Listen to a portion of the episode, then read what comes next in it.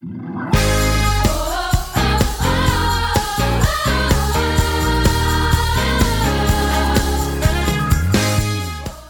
to the City Church International podcast. Each week we launch new teachings and preachings from our Sunday service. We hope it will encourage you in your relationship with Jesus and empower you in your everyday life.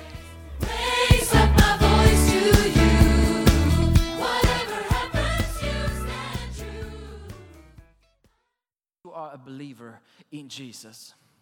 So, if you are a believer in Jesus, if you trust in Jesus for your salvation, that unlocks a position before God, which means that you are now standing in grace. That's what you stand in, that's what you are covered by, that's what you are under. You are in by position in grace. How? By faith by faith in what Jesus did on the cross, in faith in the Christmas message that God became man so that man can become like God. Remember that thing?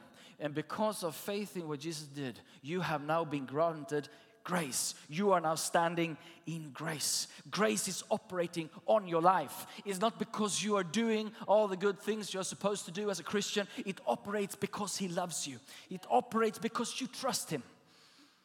It operates because you are in faith. And what's happening in it transfers into a hope.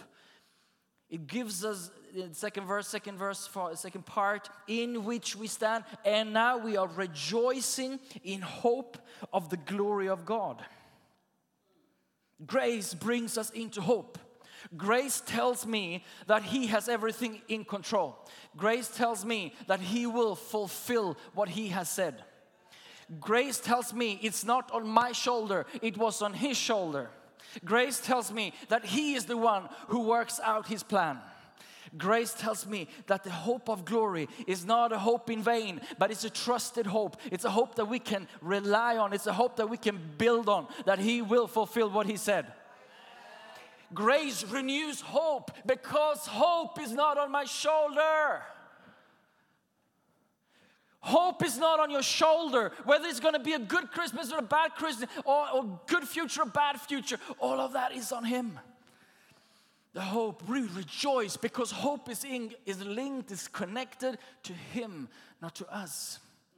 By faith, we have stepped into a new sphere. We have stepped into a new power that is at work. The power is grace that works for you, not against you. He is for us, not against us. That's where we're going soon. Anyhow, we meet, we will in this life face situation. Paul says that not only that, verse 3, but we also glory. Listen, you glory in tribulation. Wow, you, you glory in tribulation. Isn't that an interesting place to, to, to be, you know, glorified? But we do so because of hope, because of grace, knowing that tribulation produces perseverance, and perseverance, character, and character confirms that hope. And this hope, my friends, verse 5, does not disappoint. Why? Because the love of God has been poured out into our hearts by the Holy Spirit who was given to us. So, so hope comes when we step into grace because we realize that grace, which is His working on our behalf, which is His work, not mine, is we, we are, we are going to see that hope be glori- gloriously fulfilled. And we also have assurance because the love of God has been poured into your heart by the Holy Spirit. Amen? So, love assures us that He will not leave us halfway through. Love assures us that He will bring us through into the glorious hope of God. He will not leave us nor forsake us. The following verses of verse 6 to 10, it says like this For when we were still without strength, in due time Christ died for ungodly. For scarcely for a righteous man will one die, Yet perhaps for a good man, someone would even dare to die. But God, listen, demonstrates his own love towards us in that while we were still sinners, Christ died for us. When did he die for us? When we were still sinners, when we were his enemies. Verse 9 much more than having now been justified by his blood, we shall be saved from the wrath through, through him. For if we, when if when we were enemies, we were reconciled to God through the death of his son, much more, having been reconciled, we shall be saved by his life. And not only that, but we also rejoice in God through our Lord Jesus Christ, through whom we have now received the reconciliation. What is he saying? He's saying, while you were far away or even against God, God died for you in your place. How much more will he not be on your side in life? Now, when you have transferred from death to life, while you were dead and an enemy to God, God showed his love to you. He died on a cross when you were dead, when you were an enemy. How much more? Now, when you have been reconciled with God, how much more will he not be for you? How much more will he not be on your side? Come on, give God praise in this house, for the love of God is for real. The love of God is for real. He has poured it into your heart to assure you of the hope you have with Him. He's not like a human dad. He's not the dad who can fail. He is perfect in His love, and He and He shows it by dying for us while we were sinners, while we were off. Now you're here, listening to a shouting preacher, and your heart is drawn to God. And in all your failures, in my failures, in all our str- struggles and stumblings, why would He let go of us? Why would He turn His face from us now? When He died for us, when we were far away. If He died for, for us when we were far away, how much more will He not work for us when we are close, when we are reconciled? when we are one with Him, will He not fight for you? Will He not be there for you? Will He not love you through? Will He not support you? He who didn't spare His own Son, how could He not support you? Your standing in grace is a position bought by the blood of Jesus. Because of that blood, you can be safe. You are home. And His love is working for you not against you. His plan is good for you. Therefore, you can rejoice even in tribulations, even in the hard phases of life. You can rejoice because He's a good God. You stand in grace, He will not look at your, your day and say, Hmm, today, Paul, yeah, not so good. So today I will anoint you only a little. I would be, you know, missing it all the time. No, he's not looking and say, well, this week you have read the Bible this much, so this is how much anointing you get. This is how much favor you get. This is how much grace you get. That's not biblical, my friends. You cannot buy the anointing. You cannot buy his favor. You cannot buy his love. It has been bought by Jesus. It's only through Jesus you can have that love. We stand in grace because of what He did, not because of what we can or cannot do. Hallelujah. That's the grace of God we stand in. That's the grace of God we preach. That's the grace of God we live for. He will not leave you nor forsake you. He will not be separated from you.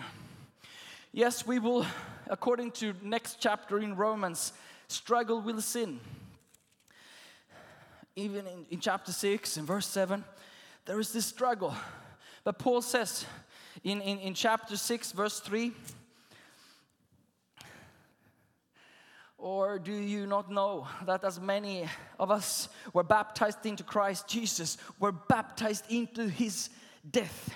Therefore, we are buried with him through baptism unto death. Hey, what about this death? Why is this important? This is very important. That just as Christ was raised from the dead by the glory of the Father, even so we also should walk in newness of life. For if we have been united together in the likeness of his death, yes, certainly we also shall be in the likeness of his resurrection. Knowing this, that your old man, listen, was crucified with him. Your old man was crucified with him. It's in past tense. It has happened. In the very moment you stepped into the baptism tank, that was crucified. Your old man was dead.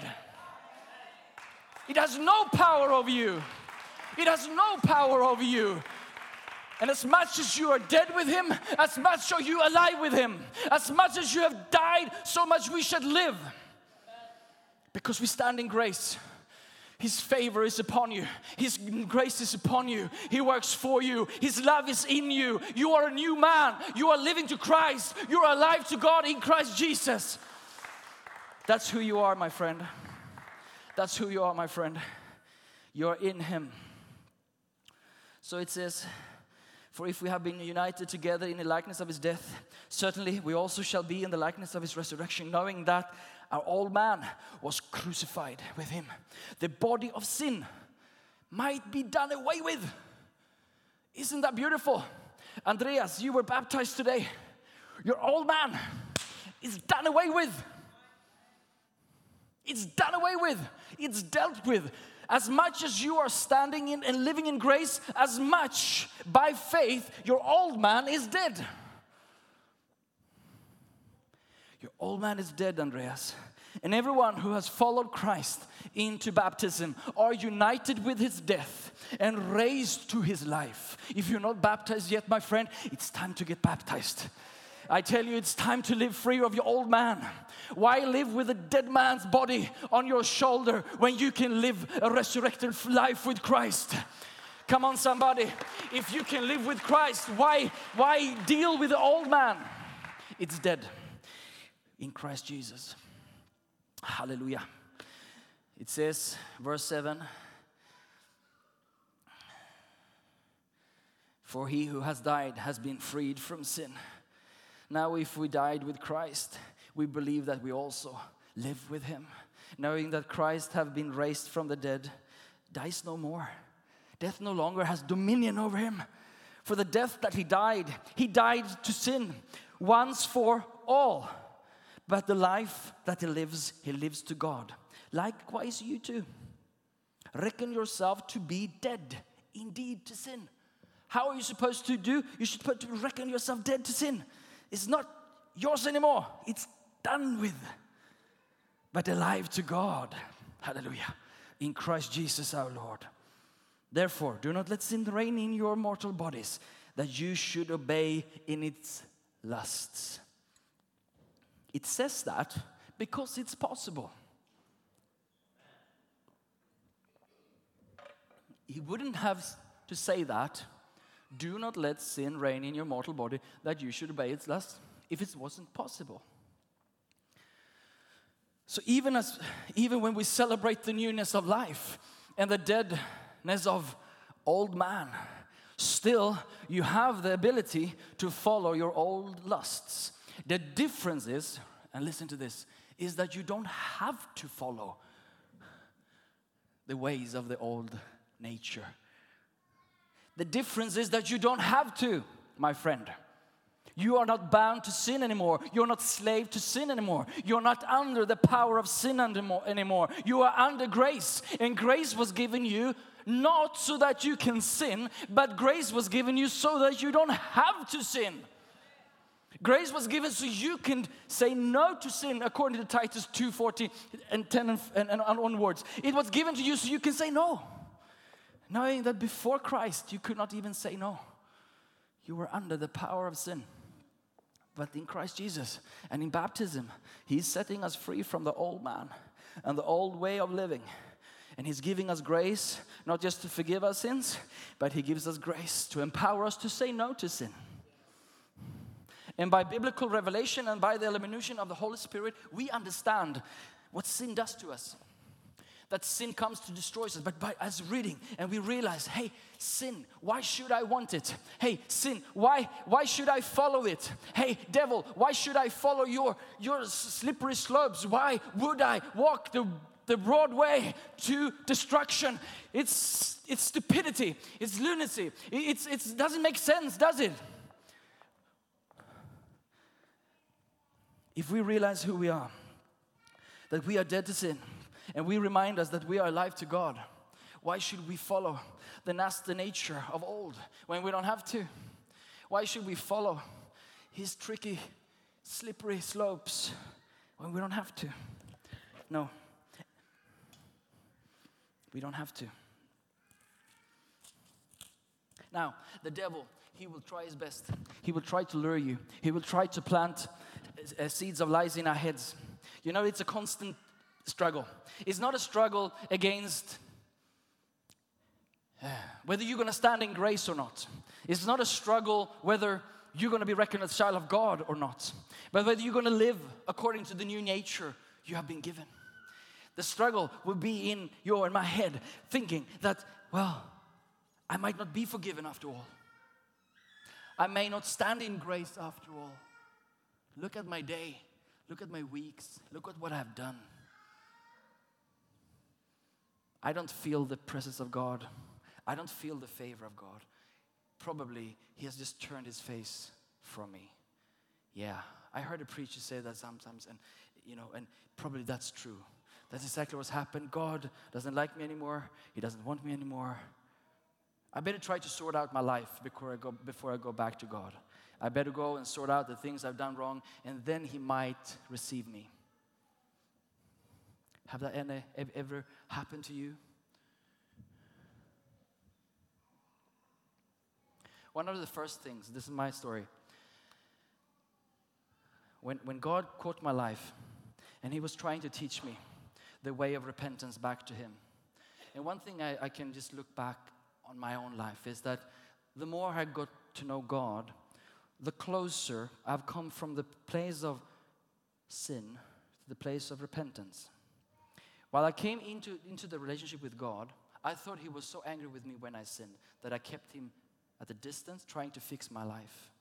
But then when I grew in Christ, I realized the distance between that is worse even of the first failure I did. The way and the time I stay away from Him, that's when the real danger is. The- may I say this? I understand me rightly what I'm saying? The, the, the, the, bigger thing is not the sin you committed, but the distance you create and I create from the Father. That's when we get really messed up. And why is that? It's because we sin and we think He's angry and we keep at a distance because our my, uh, image of God is an angry God who will hit me on my nose or my hands or something if I come to Him. So the, t- the Holy Spirit began to teach me, and He said, "Come running to me." Okay, you will, you will sin, you will fail, you will lose it, you will be. For different reasons, you will do it. But please, Paul, come back to me as soon as possible. Come back to me. Repent. Don't waste your time out there. Grow in maturity and allow the, the very sin come next door to repentance. Turn back and say, Sorry, God. No, I've done it as soon as I get the realization of what I've done. God, I'm sorry. Come to me, son. Come. Why? Because you stand in grace. I'm here to lift up that burden. I am not against you. I am for you. And I'm fighting with you against sin. I am not hitting you because of your sin. I'm fighting with you for your deliverance. He's, he's picking up my hand and he, and he helps me to, to hit the enemy. God is not the one hitting me. He's helping me lifting my weapons so I can hit the enemy.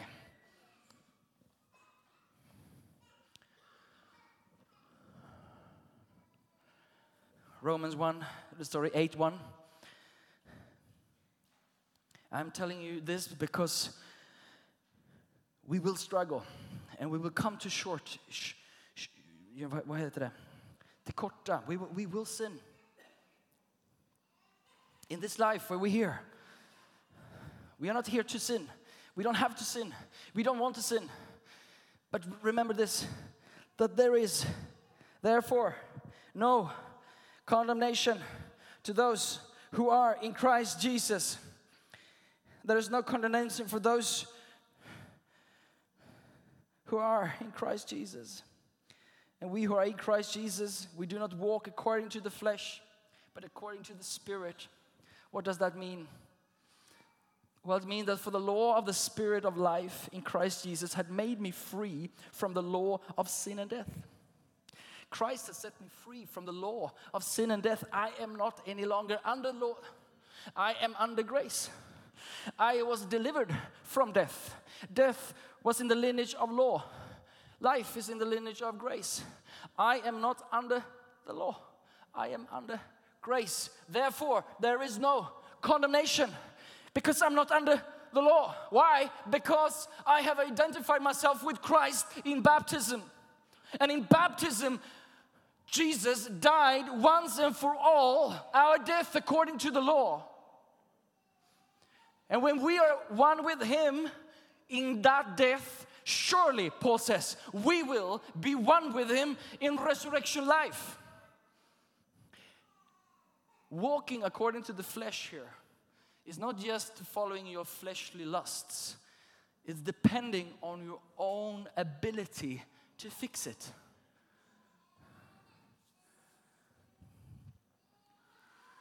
Paul is trying to help us to shift from, from the law side to the grace side. He's establishing us in grace because it's the only way to live and overcome sin.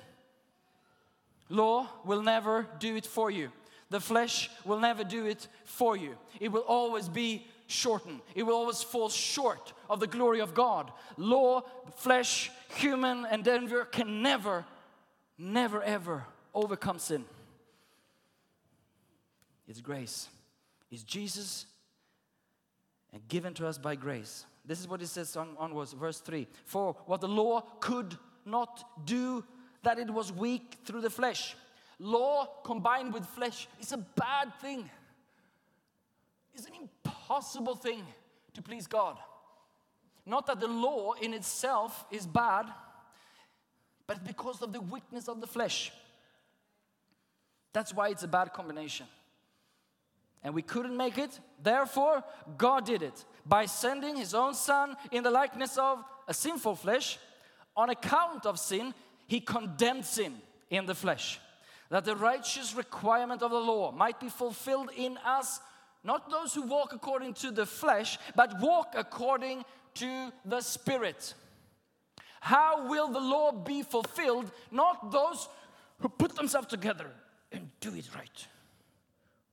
As long as you have that face, as long as you have that in you, it will fail you. And Paul, Jesus through Paul, is asking you to let go of that, give up that, recognize that as dead. It was my old way of living. I'm stepping into my new nature and I'm living according to the Spirit of grace, according to the Spirit of Christ. For those who live according to the flesh set their minds on the things of the flesh, but those who live according to the Spirit, the things of the Spirit. For to be carnally minded is death, but to be spiritually minded is life and peace. Because the carnal mind is enmity against God. Choosing flesh is to be in enmity and be against God. For it is not subject to the law of God, nor indeed can be. So then, those who are in the flesh cannot please God. Listen now, verse 9. But you are not in the flesh. Say that to yourself. I am not in the flesh. I'm not in the flesh. Oh, I thought I was a fleshly Christian. Yeah, no, no, no, no, no, no. No, no, you are not in the flesh, but in the Spirit. If indeed the Spirit of God dwells in you, you are indeed in the Spirit. Through baptism, you are dead to the law and to the flesh. By the miracle, mirac- miraculous work of His grace, He has raised you from death to life, from flesh into the Spirit. That's who you are. That's how you walk. That's your nature. By, by receiving Christ, you have been given the Spirit of Christ, and through, through receiving of the infilling of, of the Spirit, You are not in the flesh anymore, my friend. Hmm.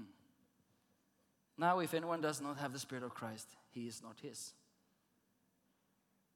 But if Christ is in you, the body is dead because of sin, but the Spirit is life because of righteousness.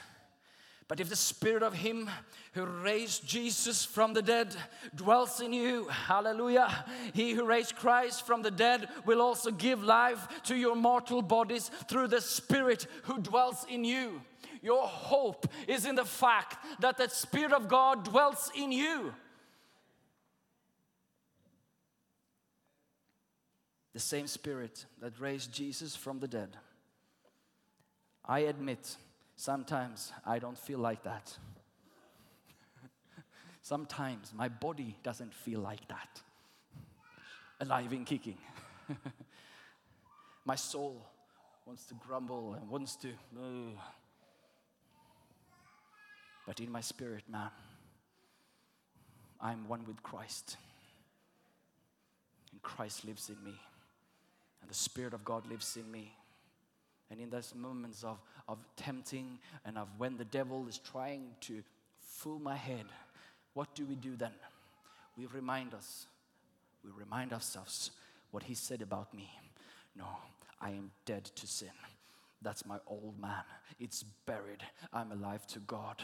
I am His, and I have the Spirit of God, and I am His, and I have the Spirit of God, and the Spirit of God has filled me with the love of God, and He will not leave me nor forsake me. He will be with me, and I will not be separated by the love of God because nothing can separate me from the love of God. I'm one with Him. I'm one with Him.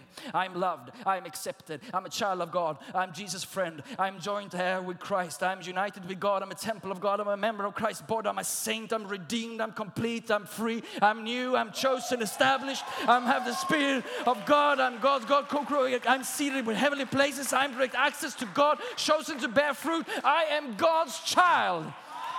That's who I am. That's who I am. And I will tell you, as long as you walk on this earth in this body, there will be days when you don't feel that. There will be days when you can't remember that. And then we go back to the book, we go back to the truth, and we tell it as it is.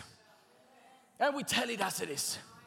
And we do our confession, and we stay in the Word of God. We say, This is what the Word of God says about me. You and I have to preach to ourselves. We need to preach ourselves out of temptation sometimes. We need to preach ourselves out of the low places of our soul sometimes. We're going to need to go back to the scripture and tell it as, as it is. Because we stand in grace. I'm in grace. I'm in grace. I'm His. I'm renewed. I'm in Christ Jesus.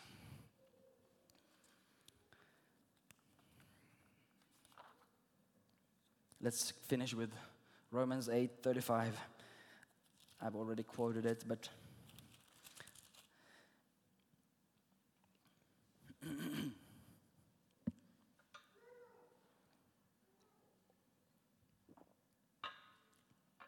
Who shall separate us from the love of Christ? Shall tribulation? No. Shall distress? No.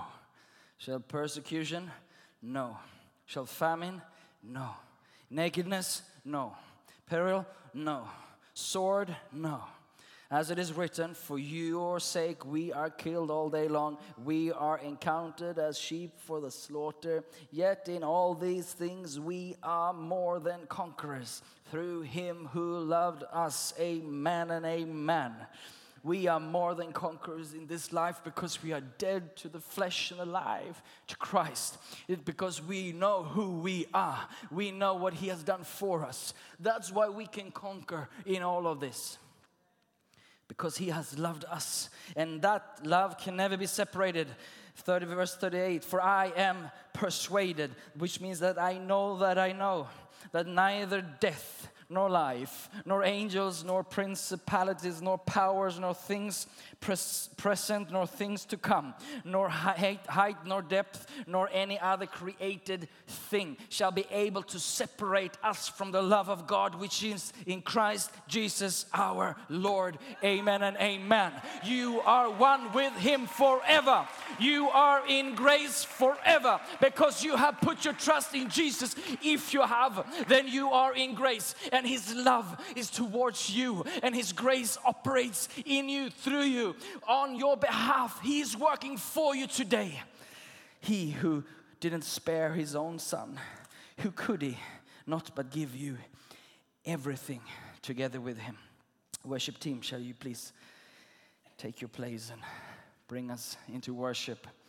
It says in verse 31 What then shall we say to these things? If God is for us, who can be against us?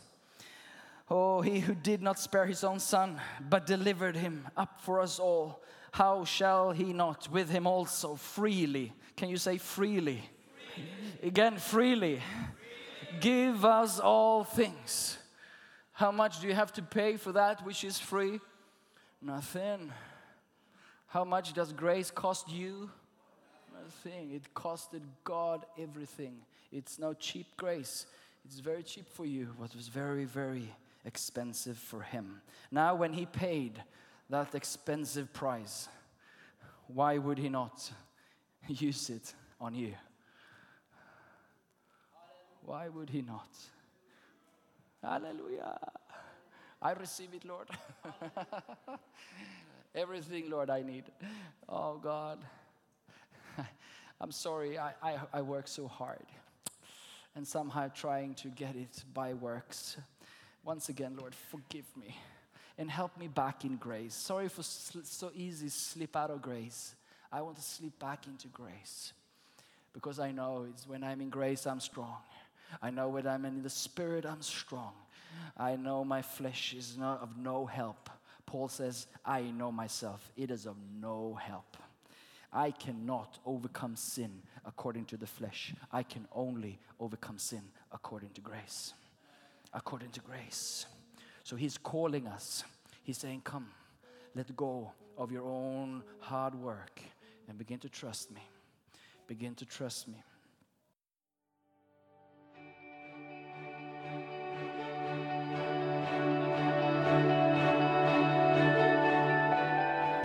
Thank you for listening. If you're in the Stockholm area, feel free to join us at our international services every Sunday at 2 pm at Adolf Fredriks Kyrkogata 10. If you'd like to know more about Jesus or for any other information, please do visit us at ccistockholm.se.